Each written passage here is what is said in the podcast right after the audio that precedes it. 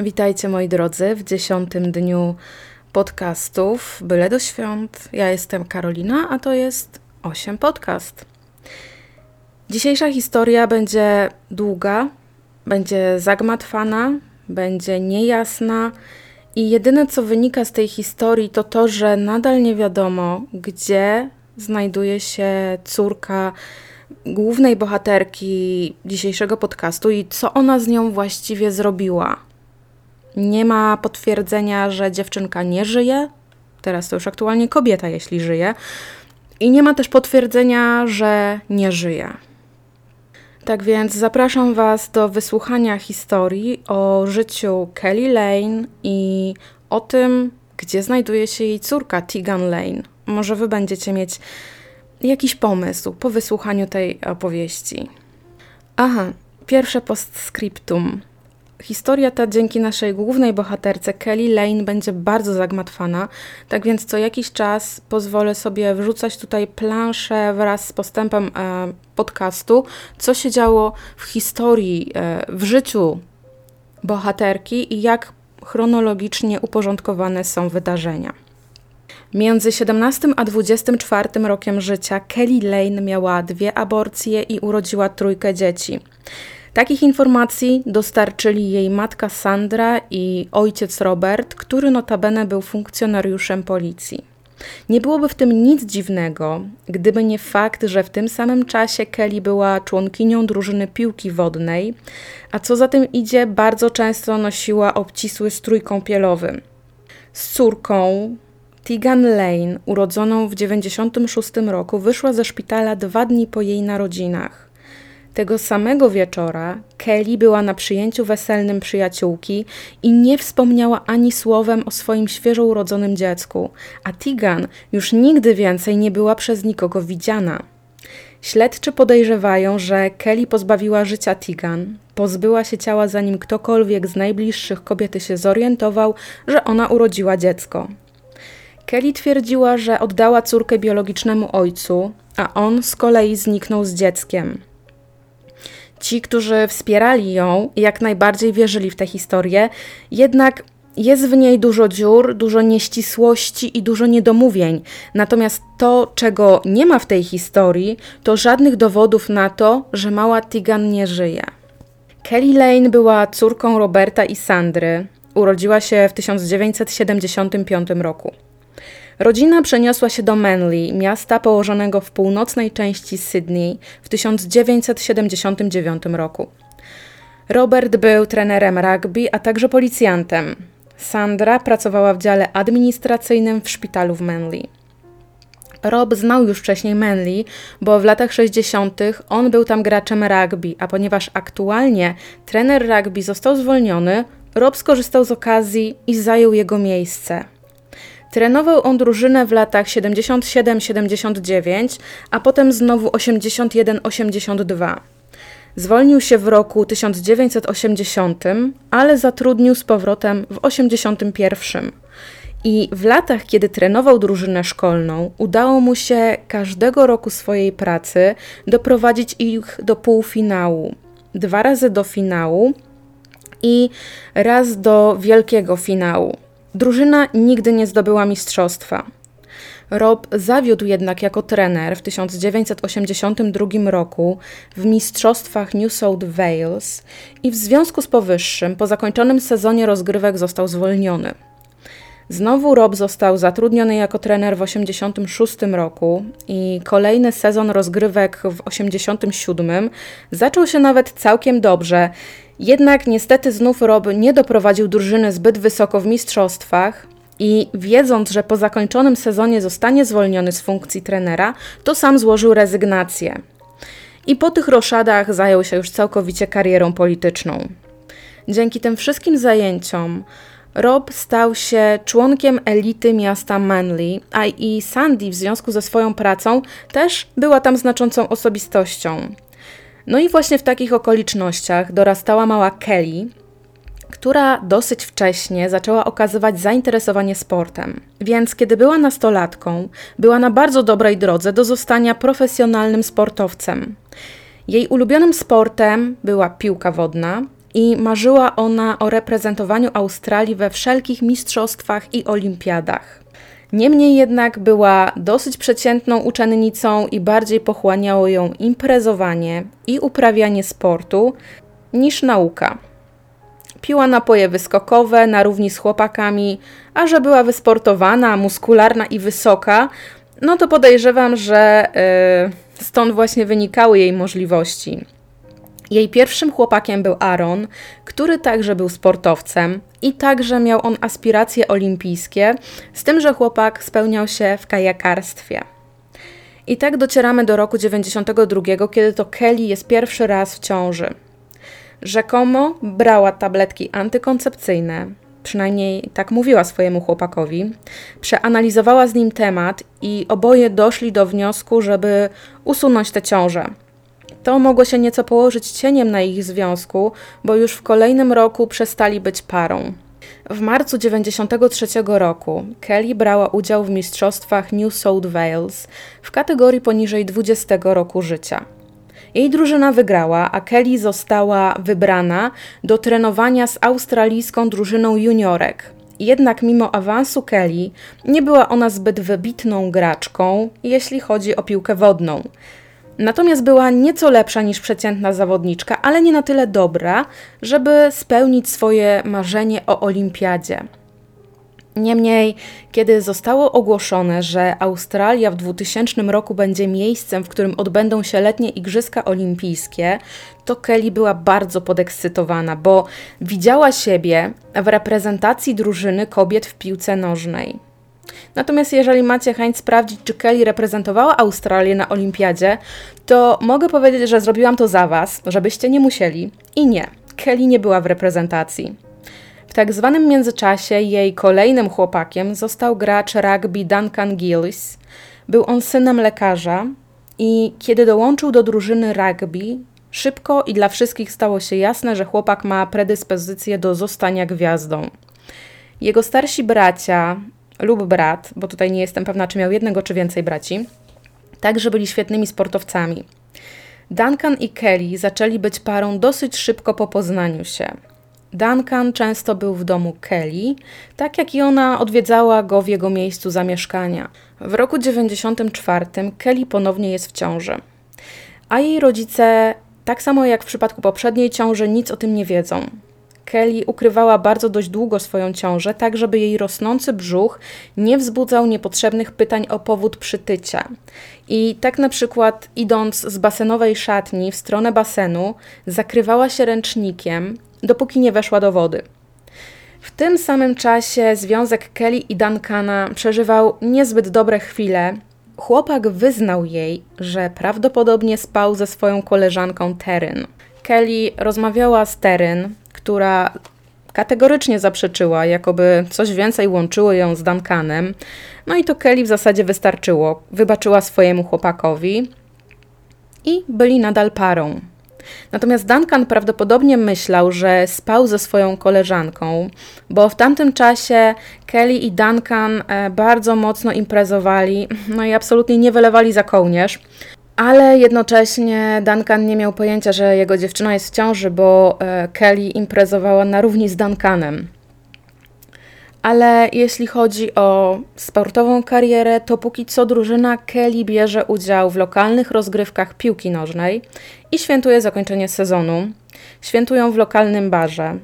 Po kilku godzinach zabawy koleżanki z drużyny widzą, że Kelly gdzieś zaginęła, ale jakoś tam nikt bardzo sobie tym głowy nie zaprzątał. Może po prostu poszła do domu wcześniej i to tyle. Natomiast w tym czasie Kelly wyszła, ale nie poszła do domu, tylko pojechała do szpitala i zaczęła tam rodzić. Zaczęła mieć skurczek, kiedy wszyscy dotarli do baru, ale kiedy poczuła, że poród zaczyna być blisko, wsiadła w samochód i pojechała do szpitala, żeby urodzić zdrowe dziewięciomiesięczne dziecko. A użyłam takiego określenia, żeby uzmysłowić Wam, że dziecko nie było wcześniakiem, tylko e, Kelly była po prostu w ciąży przez pełne 9 miesięcy. Kiedy Kelly urodziła, zaczęła płakać i żaden z pracowników szpitala nie był w stanie jej uspokoić, więc ktoś po prostu wezwał pracownika opieki społecznej. Kiedy osoba ta zaczęła rozmawiać z Kelly, dziewczyna powiedziała, że chciałaby oddać dziecko do adopcji. Powiedziała pracownikowi, że jest członkinią drużyny piłki wodnej i właśnie została wybrana, żeby grać w drużynie narodowej i że ma wyjechać na zawody do Kanady. Powiedziała też, że ona i jej chłopak Duncan przeprowadzili się ostatnio z Perth do Sydney i jej rodzice mieszkają w Perth. Powiedziała też, że jej rodzice byli świadomi, że ich córka jest w ciąży i byli bardzo z tego powodu zawiedzeni, ale ostatecznie ją wspierali. E, oczywiście z tego, co już zdążyłam Wam przedstawić, Kelly, możecie łatwo wnioskować, że to, co ona mówiła pracownikowi opieki społecznej, to łańcuch niekończących się kłamstw.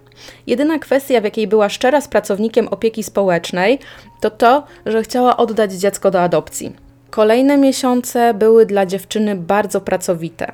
Trenowała bardzo mocno do Junior Water Polo World Championship, i tylko pokrótce wyjaśnię, że jest to międzynarodowy turniej piłki wodnej, który organizowany jest co dwa lata dla sportowców poniżej 20 roku życia.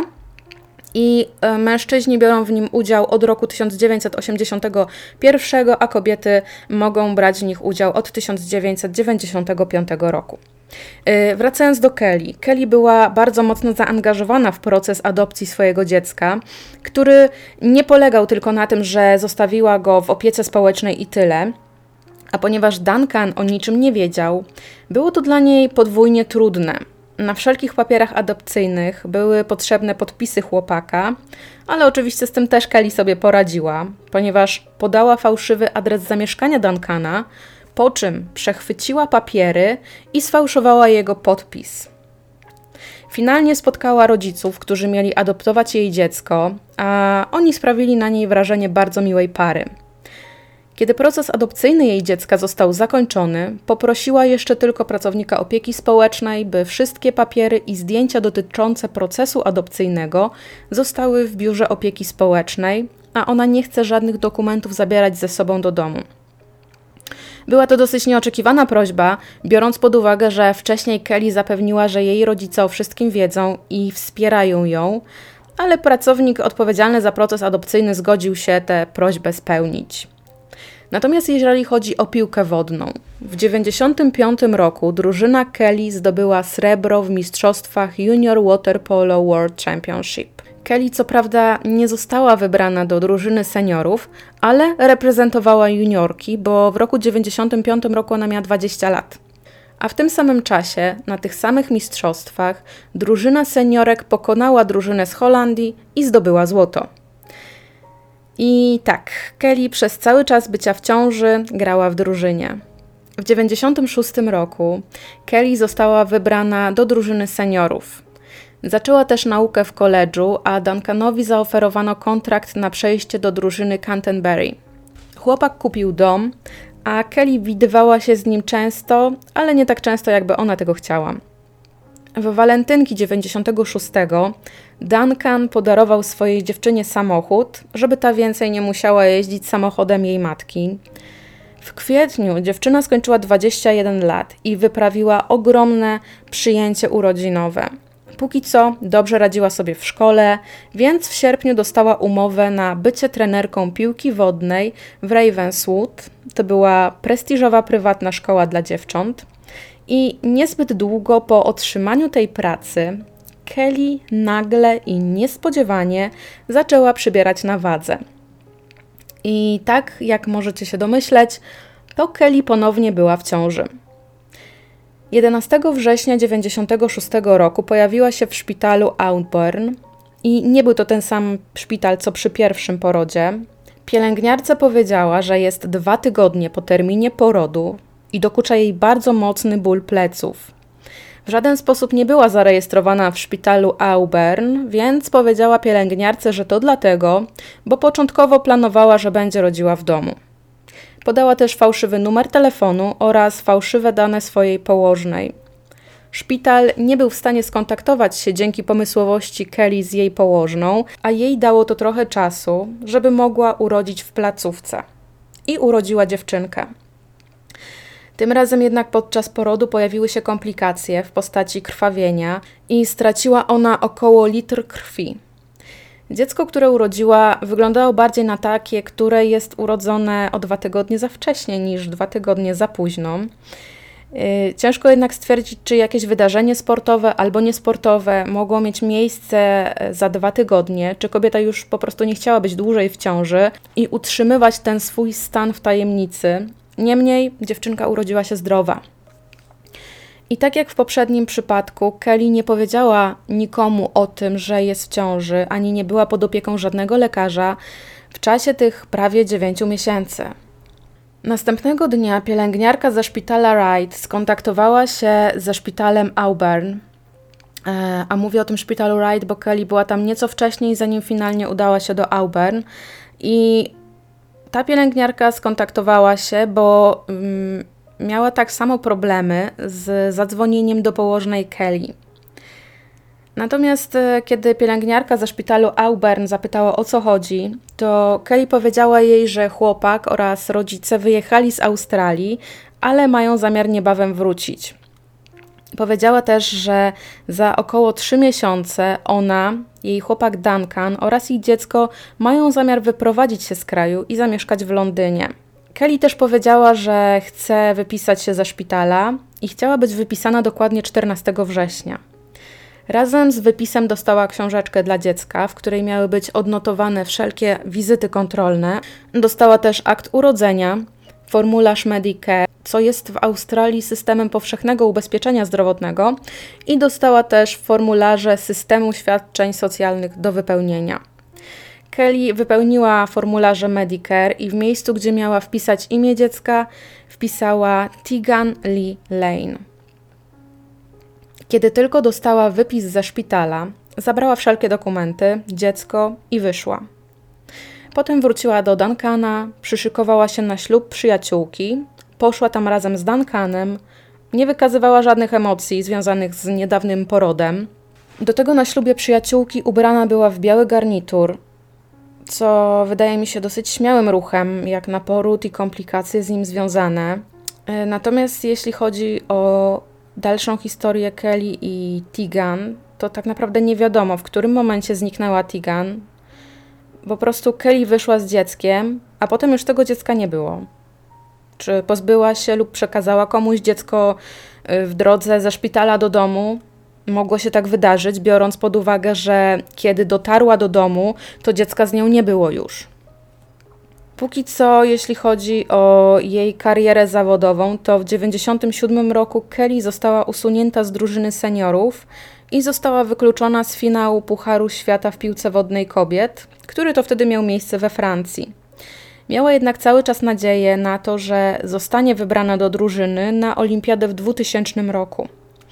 Kariera sportowa świetnie zapowiadającego się Duncana także nie posuwała się jakoś znacząco do przodu, po pierwszym roku grania dla Canterbury nie został z nim przedłużony kontrakt, jakkolwiek znalazł on miejsce w reprezentacji Szkocji w rugby, no i w międzyczasie grał też dla Manly.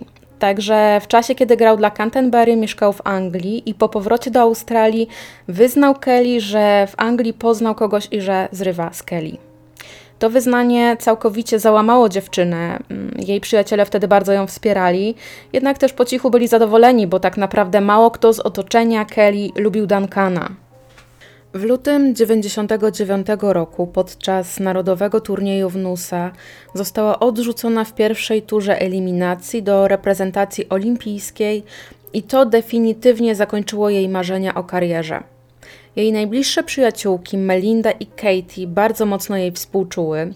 Wszystkie trzy mówiły, że to wielka, ogromna, niepowetowana strata dla reprezentacji, a Duncan jest frajerem, który nigdy nie zasługiwał na Kelly. Czy Duncan miał być frajerem, bo Kelly oczekiwała, że będzie jego żoną, czy. a wyszło inaczej, czy dlatego, że zerwał z nią?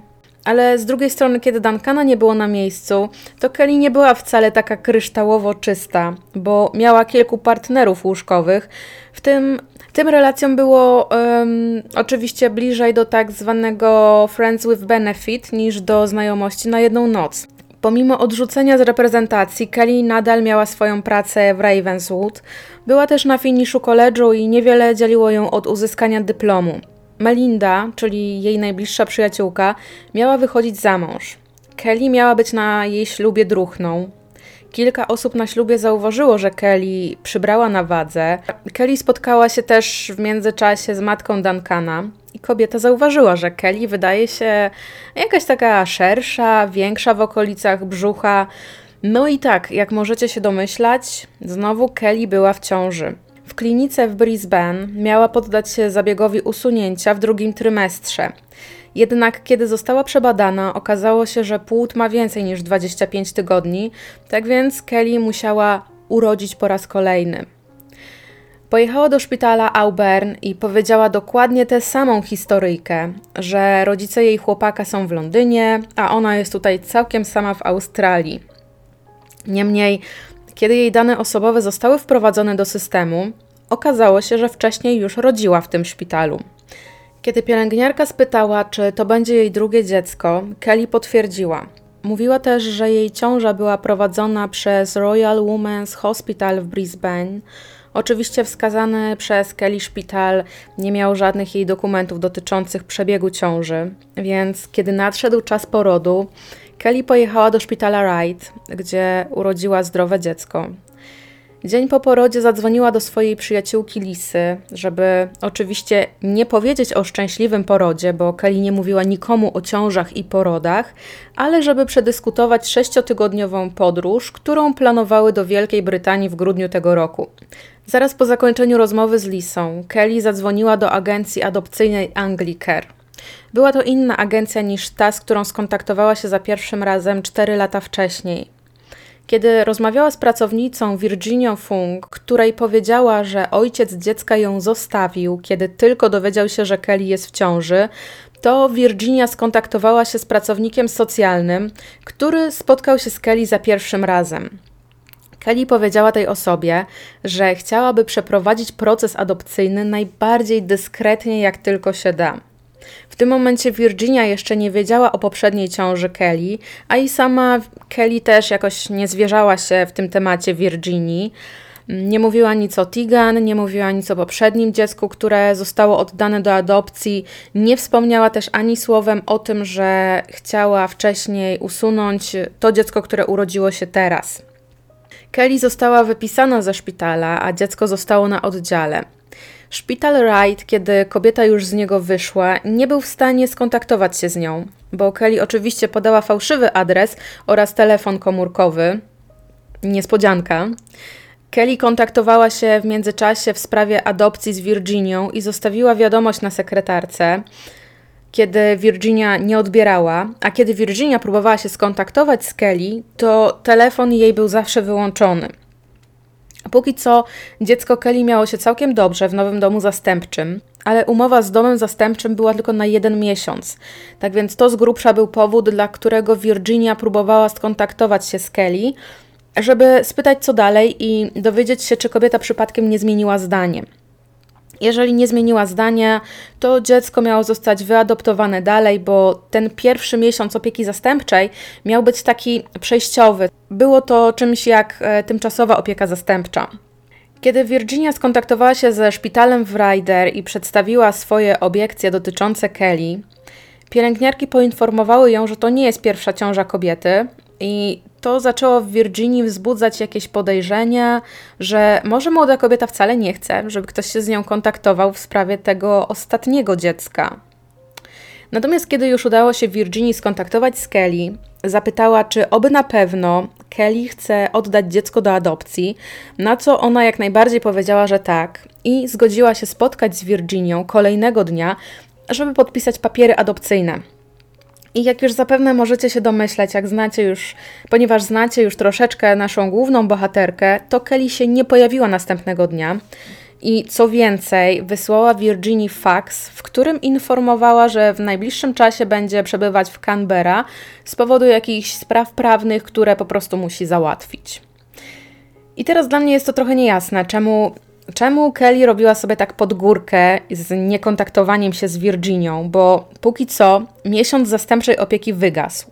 Dziecko zostało uznane za porzucone i do akcji wkroczyła organizacja Child Protection w osobie Johna Borownika. Organizacja przejęła opiekę nad dzieckiem, a w tym czasie Virginia nadal próbowała się skontaktować z Kelly. John miał takie podejrzenia, żeby sądzić, że Kelly porzuciła swoje dziecko, więc ze swojej strony zaczął weryfikować historię kobiety. Od pielęgniarek ze szpitala Ryder dowiedział się o poprzednich dzieciach Kelly. W tym czasie, kiedy Virginii udało się skontaktować z Kelly, mm, to ona nadal twierdziła, że ostatnie dziecko, które urodziła, jest jej pierwszym. Także szła w zaparte, aż miło. Tak więc Virginia zdecydowała, że czas odpalić własne prywatne śledztwo i zaczęła kopać głęboko w przeszłości Kelly. Dokopała się do informacji, że Duncan był w Sydney i co więcej, był zawodnikiem drużyny Manly. Virginia po odnalezieniu adresu chłopaka napisała do niego w sprawie podpisania dokumentów adopcyjnych, oczywiście. Oczywiście też Kelly nie pojawiła się na ostateczne podpisanie dokumentów, ale Virginii udało się wykopać dwa numery telefonów, które dotyczyły Kelly. Do jej rodziców i do szkoły w Ravenswood. E, w międzyczasie Virginii udało się też skontaktować z Duncanem i możecie sobie wyobrazić, jak go to zmiotło z planszy, kiedy się dowiedział, że jest wymieniony jako ojciec ostatniego dziecka, bo jak sam powiedział Virginii, dawno zerwał z Kelly i nie spotykali się od tamtego czasu, czyli jakoś ponad rok. Także no nie mógł być on ojcem ostatniego dziecka, jakie urodziła Kelly. Natomiast sama Kelly powiedziała, że niejaki Aaron Williams był ojcem jej trzeciego dziecka. Cóż za niespodzianka, mężczyzna oczywiście nigdy nie został znaleziony. Kiedy te informacje Virginia skonfrontowała z Kelly, ona powiedziała, że owszem, skłamała w tym miejscu, ale nadal utrzymywała, że urodziła tylko jedno dziecko, mimo że w szpitalu potwierdzała, że pierwsze dziecko jest jej drugim dzieckiem. Ale Virginii, dzięki jej uporowi, udało się doprowadzić do adopcji tego ostatniego dziecka Kelly. No i historia Kelly nie ma szczęśliwego zakończenia, ponieważ y, John Borownik otrzymuje dokumenty z Departamentu Zdrowia i Opieki Społecznej, które potwierdzają, że Kelly trzy lata wcześniej urodziła dziewczynkę. Więc John kontaktuje się z Virginią i przekazuje jej te informacje. Kilka dni później Virginia otrzymuje też telefon od innego pracownika opieki społecznej, który przekazuje jej informację, że Kelly w 1995 roku oddała dziecko do adopcji.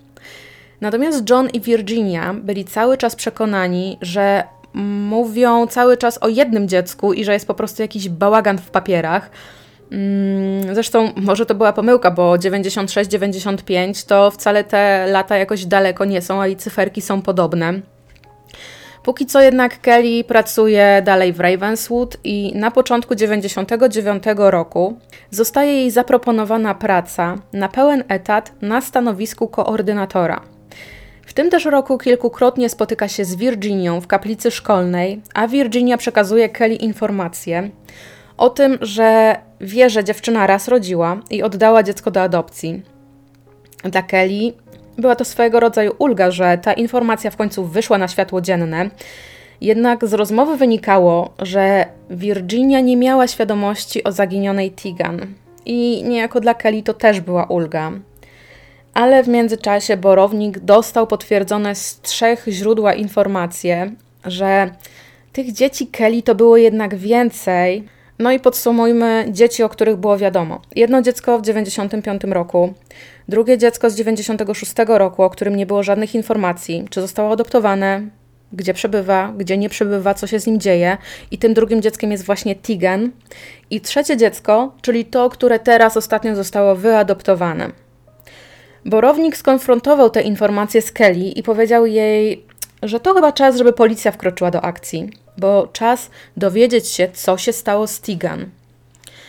Kelly ostatecznie przyciśnięta do ściany potwierdziła, że tak, w sumie urodziła trójkę dzieci, że Tigan została przekazana biologicznemu ojcu, a pozostała dwójka, tak jak już wiemy, została wyadoptowana.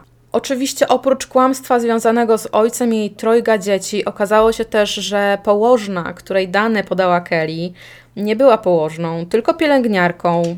E, I nie było w tym nic złego, że była to tylko pielęgniarka, tylko jakby chodzi o, um, pokazanie Wam różnicy między informacjami, które y, sprzedawała Kelly, a które później wychodziły na światło dzienne. Sprawa Kelly i Tigan została przekazana na posterunek policji w Manly mm, do dalszego zbadania i zajął się tym młody detektyw Matt Kehoe. No i trochę to tak zaczyna wyglądać, że sprawa w końcu została rzucona na właściwy tor. Tylko, że nie bardzo, bo detektyw Kehoe przesłuchał Kelly dopiero, e, trzymajcie się mocno, półtora roku po przekazania do zbadania. Ponoć znał on ojca Kelly i miała to być nawet grana jakaś korupcja, łapóweczka, coś ten deseń. I to nawet nie tyle znał, co bardzo mocno przyjaźnił się z Robem Lane. W tym czasie Kelly zaczęła też spotykać się z niejakim Peterem, który to był synem przyjaciół rodziców Kelly. Peter mieszkał na co dzień w Wielkiej Brytanii, a kiedy zdecydował się wrócić do Australii, państwo Lane zaoferowali mu pokój w ich domu. Zaproponowali mu też, żeby został u nich, dopóki nie znajdzie swojego własnego mieszkania. Mm. Czemu Peter nie zamieszkał ze swoimi rodzicami? Pojawia się to pytanie. Ciężko mi niestety na nie odpowiedzieć, bo nie ma żadnych informacji tutaj ze strony Petera czemu. Mm, no ale kiedy Peter w końcu zamieszkał u rodziny Lane, no to to takie, takie luźne, e, okazyjne spotykanie się pary przeszło w bycie razem i w poważniejszy związek. No i znając już nieco Kelly, możecie się domyśleć, że wraz z kolejnym mężczyzną w jej życiu pojawiła się kolejna ciąża. No i właśnie w tym czasie detektyw Kiho zabrał się za przesłuchiwanie jej. Y, no i Kelly wtedy na przesłuchaniu zeznała, że ojcem Tigan był niejaki Andrew Morris i że Andrew jest starszy o 9 lat od niej. Powiedziała też, że kiedy była w ciąży z Tigan, to Morris mieszkał ze swoją dziewczyną, a na imię tej dziewczynie było Mel – Melania, coś takiego. I według słów Kelly to właśnie tej dwójce ona oddała Tigan. No i ponoć dla śledczych, prowadzących to w ogóle już wystarczająca była informacja i koniec, nie ma potrzeby głębszego drążenia. Jednak Kelly nie cieszyła się długo spokojem, bo na przełomie lat 2002-2003 do Manly przybywa detektyw Good. Był on jednym z detektywów, który przydzielony został na posterunek w Manly w związku z jakimś skandalem korupcyjnym, który wcześniej się tam wydarzył. Góra robiła czystki, no i zrzuciła tam właśnie takiego funkcjonariusza. Kiedy Good wkracza na scenę, Kelly ma 18-miesięczną córkę, od 7 lat uczy w szkole w Ravenswood i u swojego boku ma mężczyznę. Według słów Kelly, Tigan żyła, a ponieważ żyła, to nie została popełniona żadna zbrodnia, no i wszystko było ok. No ale z drugiej strony, czemu, jeżeli wierzyć Kelly, oddała dziecko poza systemem? No i Good sobie myślał, że skoro Tigan żyje, to w sumie o co tyle krzyku. Nie jest to jakaś super ważna sprawa, ale summa summarum Good powiedział, że znajdzie Tigan. Wezwana na posterunek Kelly tym razem powiedziała, że mężczyzna, któremu oddała dziecko to Andrew Norris. Czujecie tę subtelną różnicę między Morris podanym wcześniej, a Norris podanym teraz. I kiedy Good zapytał, skąd taka rozbieżność w nazwiskach, y, Kelly po prostu rezolutnie przyznała, że mm, to pewnie poprzedni funkcjonariusz musiał się pomylić przy zbieraniu jej zeznań. No i tyle. I, i o co tyle szumu. Zeznała też, że jej przyjaciółka Lisa znała tego tajemniczego Andrew oraz wiedziała o tym, że Kelly była w ciąży. Ale zeznała także, że niestety nie ma aktualnie kontaktu z Lisą i w sumie za bardzo nie wie, jak ją odnaleźć. Oczywiście im bardziej detektyw przyciskał Kelly, tym bardziej ona się otwierała, ale e, w swój sposób, czyli zeznając całkowicie co innego niż przed detektywem Kicho. I zanim Good zaczął w ogóle przesłuchiwać Kelly, to myślał, że Tigan żyje. Ale im więcej czasu spędzał z Kelly, tym bardziej um, przestawał w to wierzyć.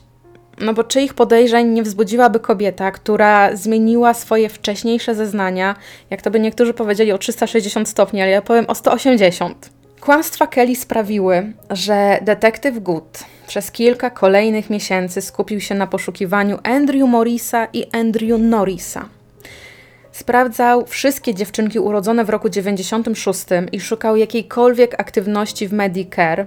Skontaktował się z matką Lisy i jak okazało się, Kelly i Lisa nadal miały dosyć regularny kontakt ze sobą. Good przesłuchał też znajomych i przyjaciół dziewczyny, ale nikt nie dostarczył mu żadnych konkretnych informacji, bo yy, wszystkich w swoim otoczeniu Kelly także okłamywała od lat. Po sukcesywnym obalaniu kolejnych kłamstw Kelly i żmudnym dochodzeniu prawdy, Good po tych kilku miesiącach wezwał Kelly na przesłuchanie, jednak tym razem zaopatrzył się w sprzęt do nagrywania, kamerę i towarzyszył mu drugi policjant. I tak przygotowany na rozmowę z Kelly powiedział jej, że sądzi, że Tigan nie żyje. Pytał także Kelly o adres Andrew, ale ona nie mogła go sobie rzekomo przypomnieć, ale miejsce to miało być 5 minut spacerem od hotelu Town Hall.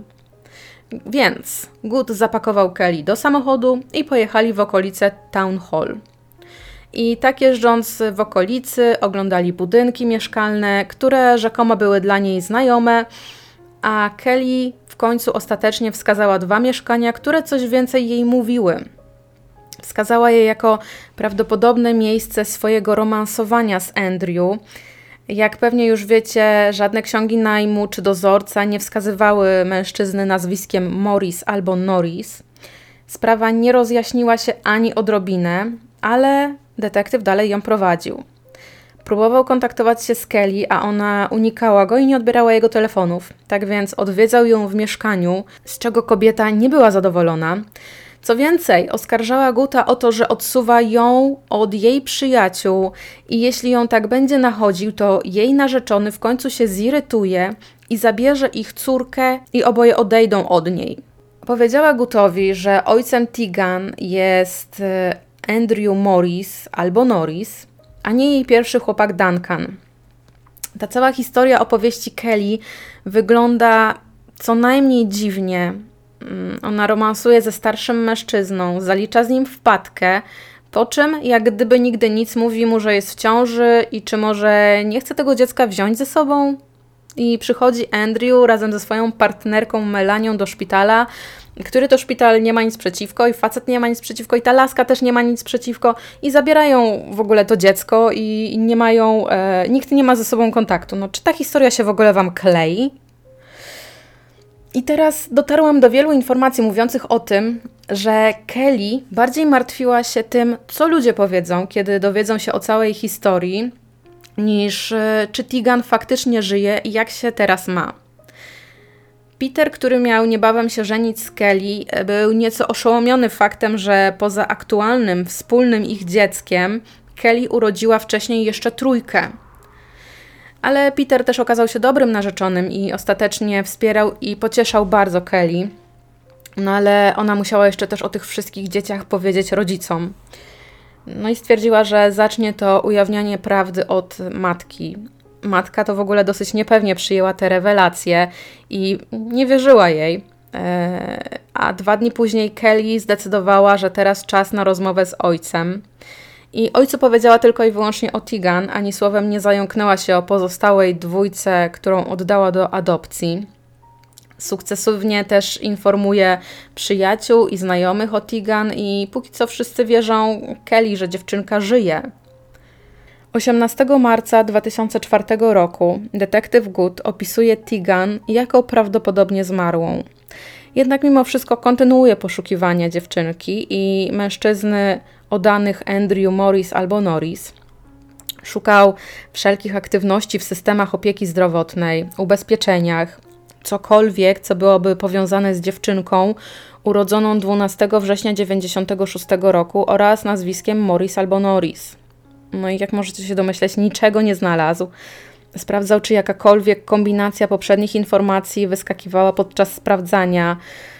Sprawdzał, kto opuszczał Australię, kto przybywał do niej. No i jak się możecie domyśleć, zero informacji. Przeszukiwał też wszelkie możliwe dokumenty, przeszukiwał kartoteki, przeszukiwał listy, zbiory. No po prostu Tigan i Andrew Morris, aka Norris, zapadli się jak kamień pod wodę. W międzyczasie policja dostaje zezwolenie na zamontowanie urządzenia podsłuchowego w salonie Kelly i Petera. Kelly bardzo narzekała na to, e, narzekała jak dochodzenie jej proces, bo był także proces, rujnują jej życie, jak bardzo policja nie stara się odnaleźć jej córki. No ale czy ona przez te 8 lat próbowała w ogóle w jakikolwiek sposób odnaleźć Tigan? No oczywiście, że nie. I jeśli chodzi o prasę, to cała sprawa pojawiła się, wypłynęła w ogóle w jakiś sposób na światło dzienne w czerwcu 2005 roku. I zapytacie, Karolino, ale dlaczego tak późno? A ja już Wam powiem dlaczego. Mimo tego, że proces toczył się wcześniej, to adwokat Kelly złożył jakiś papier, nie wiem dokładnie jaki, przyznam szczerze, który nakładał na prasę zakaz pisania o sprawie. Tak więc, yy, nawet gdyby na sali podczas rozprawy był jakikolwiek reporter, to finalnie, dopóki zakaz był w mocy, nie mógł on nawet półsłowem maciupeńkim zrobić, z, zrobić wzmianki w prasie. Jednak właśnie w 2005 roku sprawa Tigan utknęła w martwym punkcie i sędzia przekazał informację prawnikom Kelly, że jeśli kobieta nie dostarczy jakichś sensownych, wnoszących cokolwiek do sprawy informacji, to on zdejmuje zakaz pisania w jej sprawie w prasie. A ponieważ, jak przekazał adwokat Kelly, to Kelly nie ma nic do dodania, sędzia zdjął zakaz. Wtedy też w czerwcu 2005 roku w sprawie Kelly zeznawała jej przyjaciółka Katie, zeznawał mąż Kelly, zeznawał e, Rob Lane, czyli ojciec. No i jedyne, co te zeznania wniosły, to potwierdzenie faktu, że Kelly kłamie, aż się za nią kurzy. Podczas śledztwa wypłynęło zdjęcie ze ślubu przyjaciółki, na którym Kelly była z Duncanem. E, mam na myśli ten ślub zaraz po zaginięciu Tigan. I to zdjęcie też e, po usunięciu zakazu pojawiło się w gazetach, w telewizji, w każdym medium, które po prostu przedstawiało sprawę zaginięcia mm, dziewczynki. Później zeznawał Duncan, żona Duncana, bracia Duncana albo brat oraz e, matka oraz jej przyjaciółki Lisa i Rita e, zeznawali w sprawie Kelly, a z Risą i z Ritą, Kelly spędziła święta Bożego Narodzenia 2002 roku w Wielkiej Brytanii. Sąd miał generalnie nadzieję, że te zeznania wniosą cokolwiek do sprawy. I to, co mówiła Lisa, to to, że poznała Kelly w czasach koledżu w 96 roku. Poznała też Duncana, ale to było dosyć pobieżne. Jednak jak zeznała mężczyzna, nie zrobił na niej dobrego wrażenia. Nie polubiła go też, ale czuła, że Kelly go pokochała, że kochała go. Lisa zeznała, że Kelly jej powiedziała, że spotykała się wtedy z mężczyzną o imieniu Andrew Norris, podczas gdy za pierwszym razem na policji Kelly powiedziała, że spotykała się z mężczyzną, ale bez żadnych konkretnych danych osobowych, czyli z jakimś mężczyzną, a nie z Andrew Norrisem. Rzekomo Lisa miała jakiegoś kuzyna, który się właśnie tak nazywał, Andrew Norris, i rzekomo w szkole średniej w Manly był też chłopak e, o nazwisku Norris. Andrew Norris. A może był to jeden chłopak, z którym Kelly spotykała się dosyć przelotnie właśnie jeszcze w czasie szkoły średniej, później zainspirowała się tym nazwiskiem i ewentualnymi kombinacjami. Przyszedł czas na zeznania Simona. Był to brat Duncana.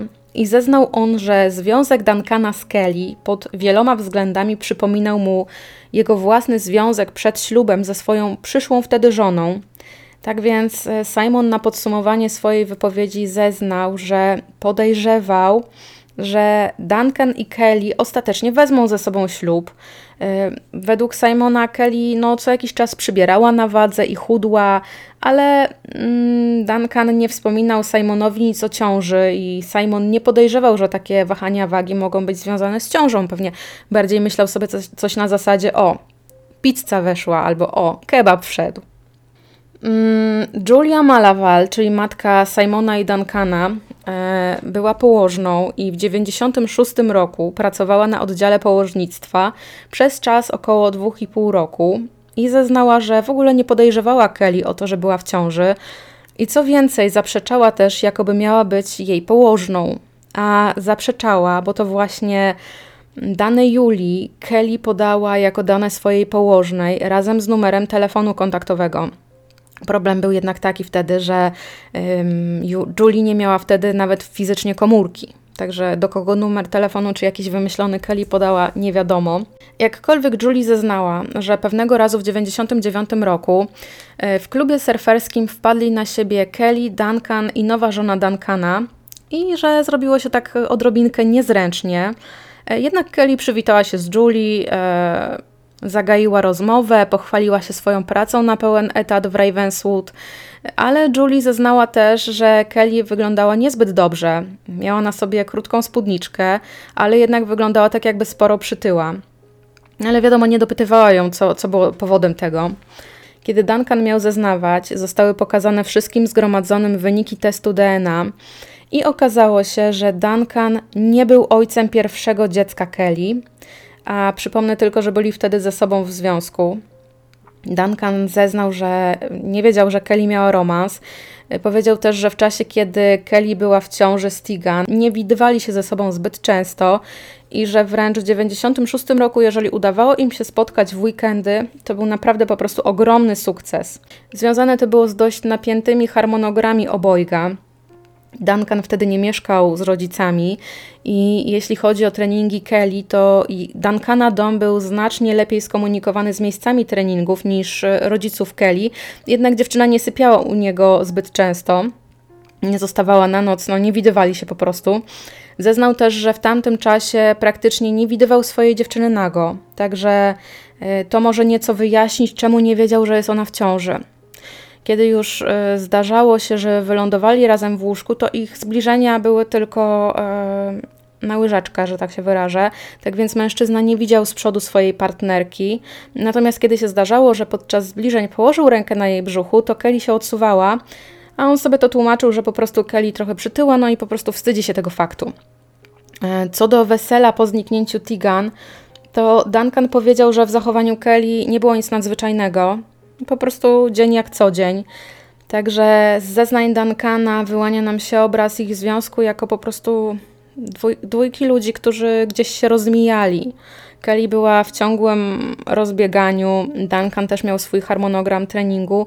No i podczas gdy Kelly była z Duncanem, to ona urodziła dwoje dzieci, a Duncan o niczym nie wiedział. Ale swoją drogą Kelly gdzieś podczas zeznań powiedziała, że Duncan był ojcem trójki dzieci. Także cytując klasyka, Duncan jak usłyszał tę informację, że jest ojcem trójki dzieci, to pewnie oczy mu się zrobiły jak 5 zł z rybakiem. Hm. I no, na pewno się w ogóle. Ja, ja sobie staram się wyobrażać jego twarz, kiedy usłyszał, że rzekomo jest ojcem trójki dzieci, nie wiedząc o tym, że jego partnerka była w ciąży. No jak? W kapuście były te dzieci? Skąd ona je wyciągnęła? Matka Duncana musiała też mieć takie same oczy, kiedy dowiedziała się, że jest położną odpowiedzialną za dwie ciąże Kelly, a i przy trzecim dziecku Kelly e, sprzedała trochę kłamstw wszystkim wokoło, mówiąc, że Duncan nie chce podpisać dokumentów adopcji i dlatego tak się to wszystko opóźnia. E, no, Duncan nie był też kryształowo czysty, bo zdarzało mu się zdradzić Kelly i podczas takiego skoku w bok poznał swoją aktualną żonę Karen w roku 98. Także może to też niejako wyjaśnia, czemu przyjaciele i znajomi Kelly tak bardzo nie przepadali za Duncanem.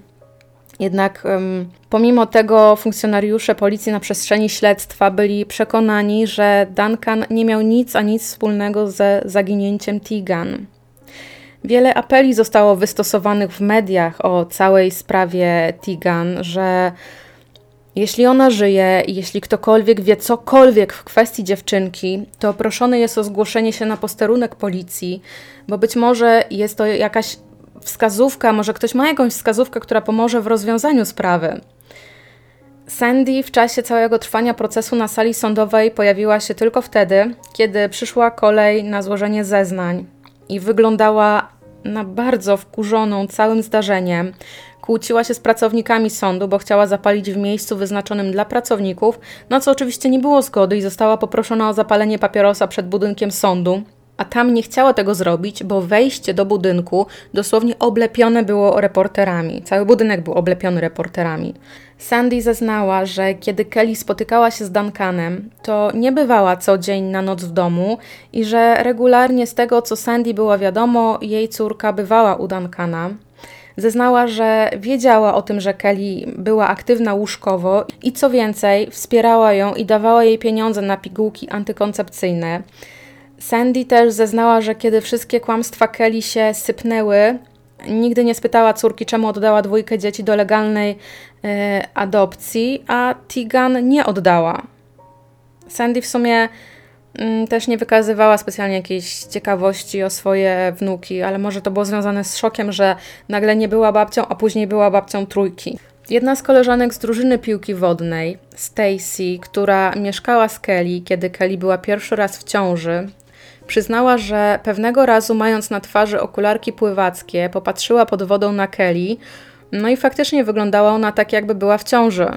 Jeden z partnerów Kelly też zeznawał, z tym człowiekiem Kelly była przed Duncanem, zeznawał też nauczyciel z Ravenswood, któremu Kelly zwierzyła się z zerwania z Duncanem, no ale te zeznania nie wniosły nic nowego do sprawy. E, jedyne co to potwierdziły, jak kobieta była zaawansowana w swoich kłamstwach.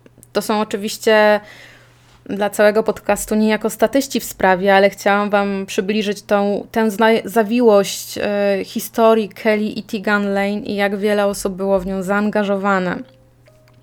Śledczy zajmujący się sprawą mieli do prześledzenia akta dokładnie 86 430 dziewczynek urodzonych w tym czasie, kiedy Tegan Także sprawa nie była łatwa, czyli e, przeglądali oni dokumenty pomiędzy wrześniem 96 a wrześniem 97 i najbliżej sprawy Tigan było 12 083 dziewczynki. E, były to mm, dziewczynki niezarejestrowane w systemie narodzin.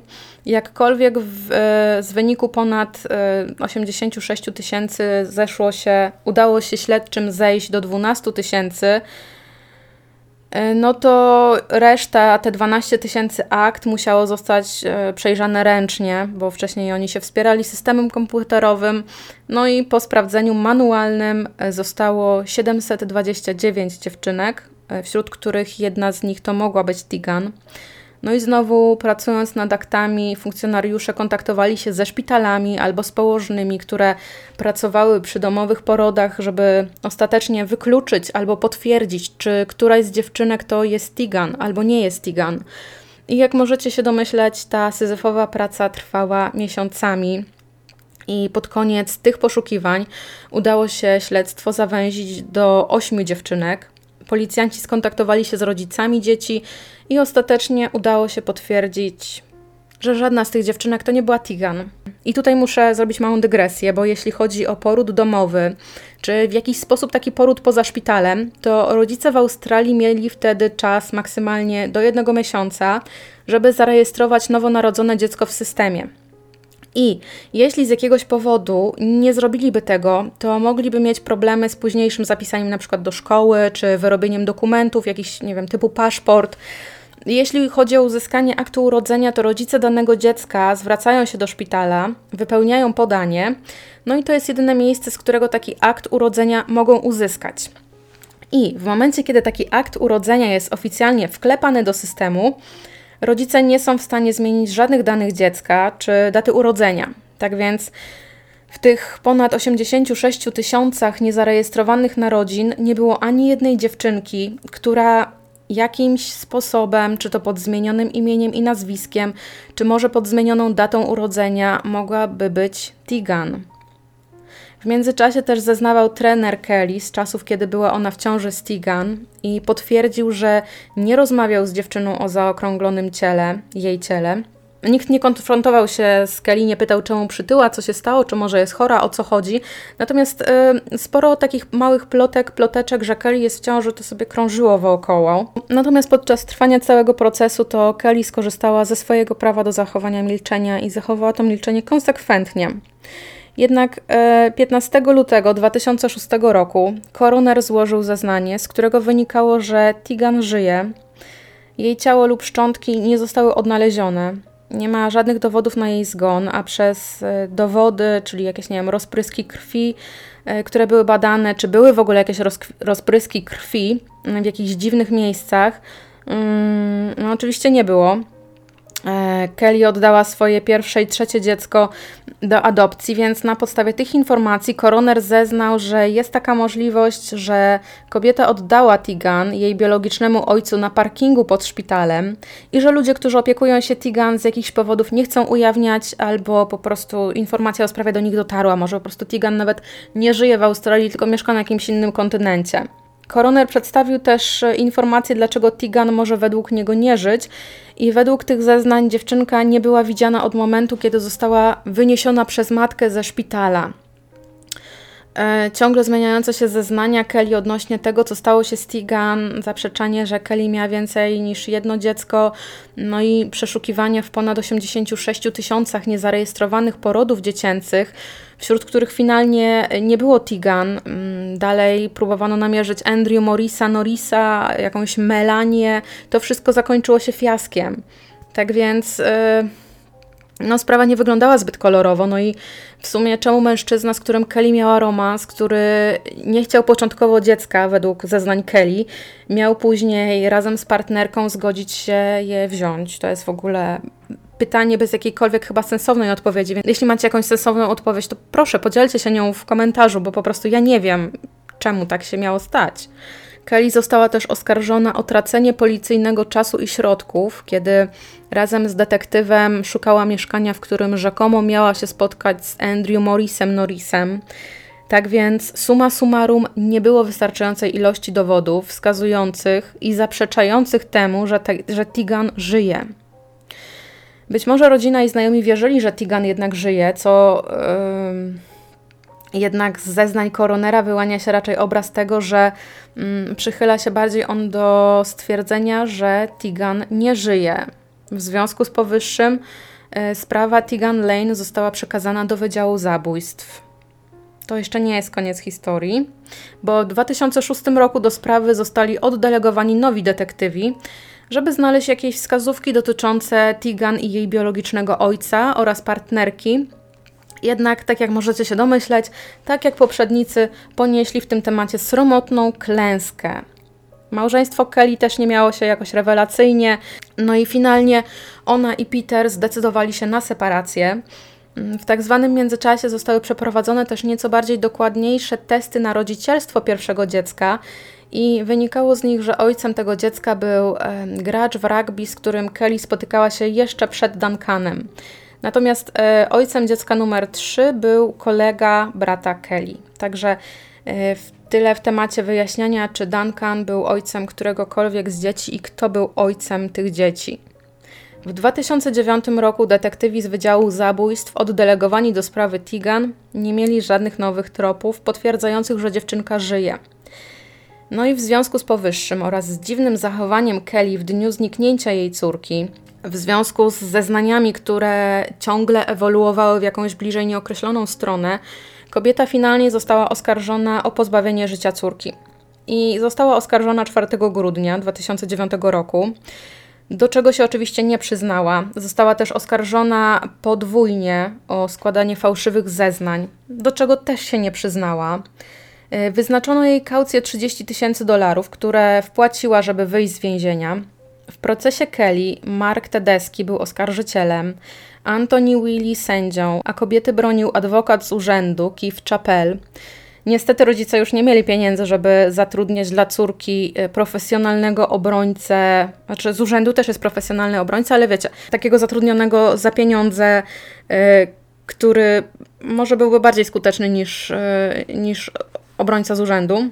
Tym czasie zeznawała też Natalii, która była przyjaciółką Kelly, która potwierdziła, że poznała Andrew Norrisa, ale kiedy została wzięta w obroty przez oskarżyciela, zeznała, że jednak nie przypomina sobie kogoś o takich danych osobowych. Kolejną osobą zeznającą był mężczyzna, który twierdził, że 16 lat wcześniej miał z Kelly jednorazową przygodę łóżkową i tym mężczyzną był Andrew Morris. Tak więc w tej sprawie, jak sami widzicie, jest masa przeróżnych ludzi, nie tylko bliskich przyjaciół, ale właśnie też osoby, które dość przelotnie miały styczność z Kelly. Jednak e, ten Andrew Morris miał styczność z Kelly na długo, długo, długo, zanim kobieta zaczęła rodzić dzieci, co nie wyklucza jego ojcostwa, ani nie potwierdza też, jeśli chodzi o usunięte ciąże. 9 sierpnia 2010 roku rozpoczął się proces. Przedstawiono takie same dowody jak na wcześniejszych rozprawach.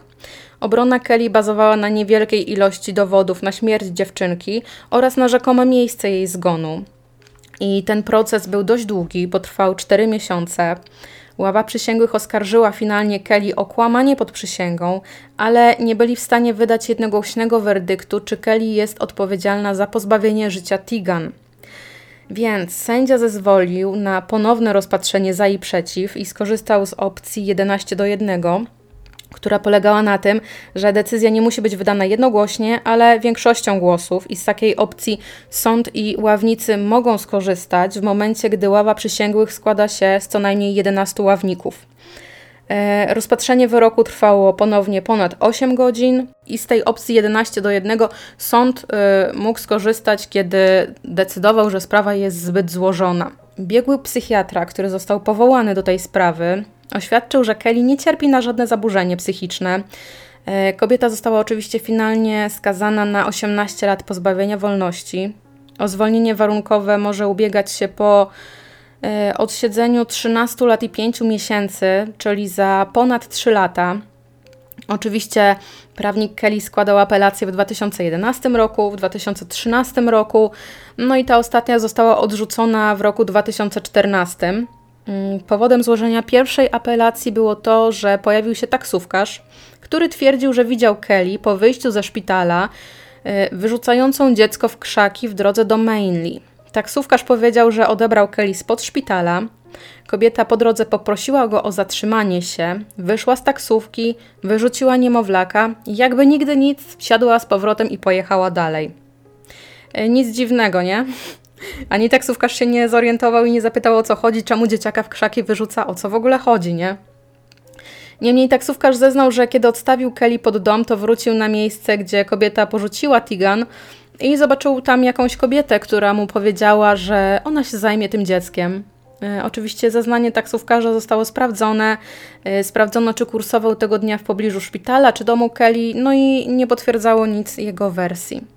Także taki po prostu kolejny człowiek, który chciał sobie atencję chyba e, troszeczkę podbić na temacie Kelly i Tigan.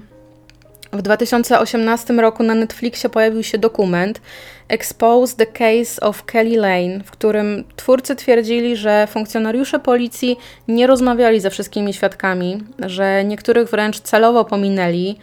E, rozmawiali w tak zwanym międzyczasie z Kelly, która wyjaśniła całą sprawę z Andrew Morrisem Norrisem.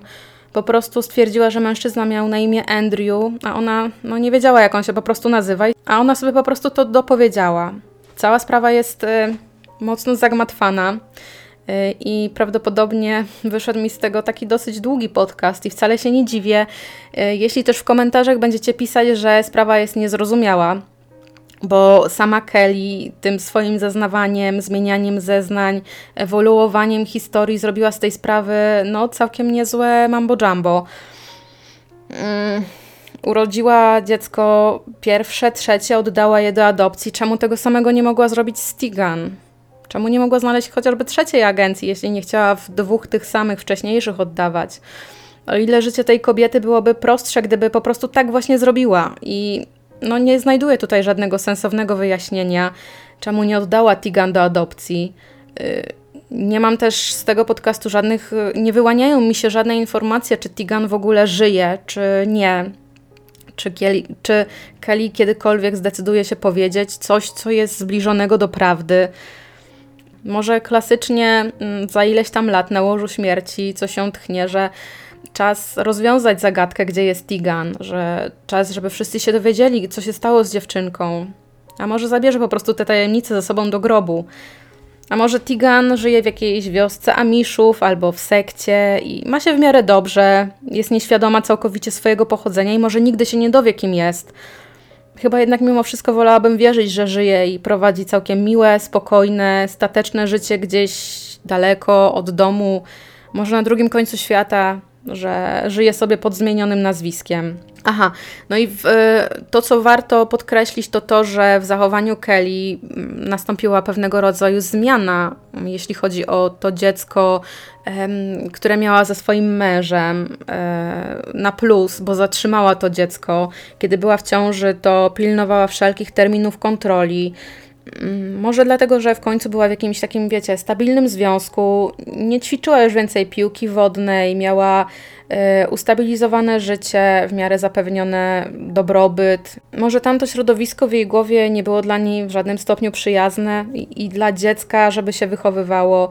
No ale oczywiście matka, matka Kelly ją wspierała, dawała jej e, pieniądze na tabletki antykoncepcyjne, więc no ja wiem, że tabletki to nie jest stuprocentowa gwarancja, ale za każdym razem to jest po prostu jak szczęście w totka, naprawdę. To jest naprawdę jak szóstka w totka. A może, może ktoś też bardzo zadbał o to, żeby dane Tigan nie wypłynęły na światło dzienne podczas śledztwa, może tam, jak wtedy Wam mówiłam o, de o detektywie Kicho i e, ojcu Robercie, może oni się dowiedzieli, gdzie jest Tigan, może Robert posmarował e, detektywowi, żeby on o niczym tutaj nie mówił. To była chyba taka rodzina na zasadzie, co ludzie powiedzą, że bardziej ich interesowało, co faktycznie ludzie powiedzą, niż e, co się dzieje w ogóle z tymi dziećmi. Jeśli chodzi o sprawę Kelly Lane, to pozwolę sobie jeszcze powiedzieć, że y, o jej sprawie została napisana książka przez panią Rachel Jane Chin pod tytułem Nice Girl: The Story of Kelly Lane and Her Missing Baby Tegan. Y, no i to w zasadzie tyle, jeśli chodzi o historię Tegan Lane, Kelly Lane. Pytanie, które jest chyba kluczowe, gdzie jest Tegan? Czy kiedykolwiek dowiemy się, co się z nią stało? Ja jestem bardzo ciekawa, a w sumie też jestem ciekawa, co Wy sądzicie o tej historii. Czy macie jakieś swoje mm, przemyślenia na temat tego, gdzie, gdzie jest Tigan? No. Bo ja po opowiedzeniu tego, tej historii to mam chyba jeszcze więcej pytań niż odpowiedzi. Ale póki co dziękuję Wam za wysłuchanie jej i trzymajcie się cieplutko i do usłyszenia jutro.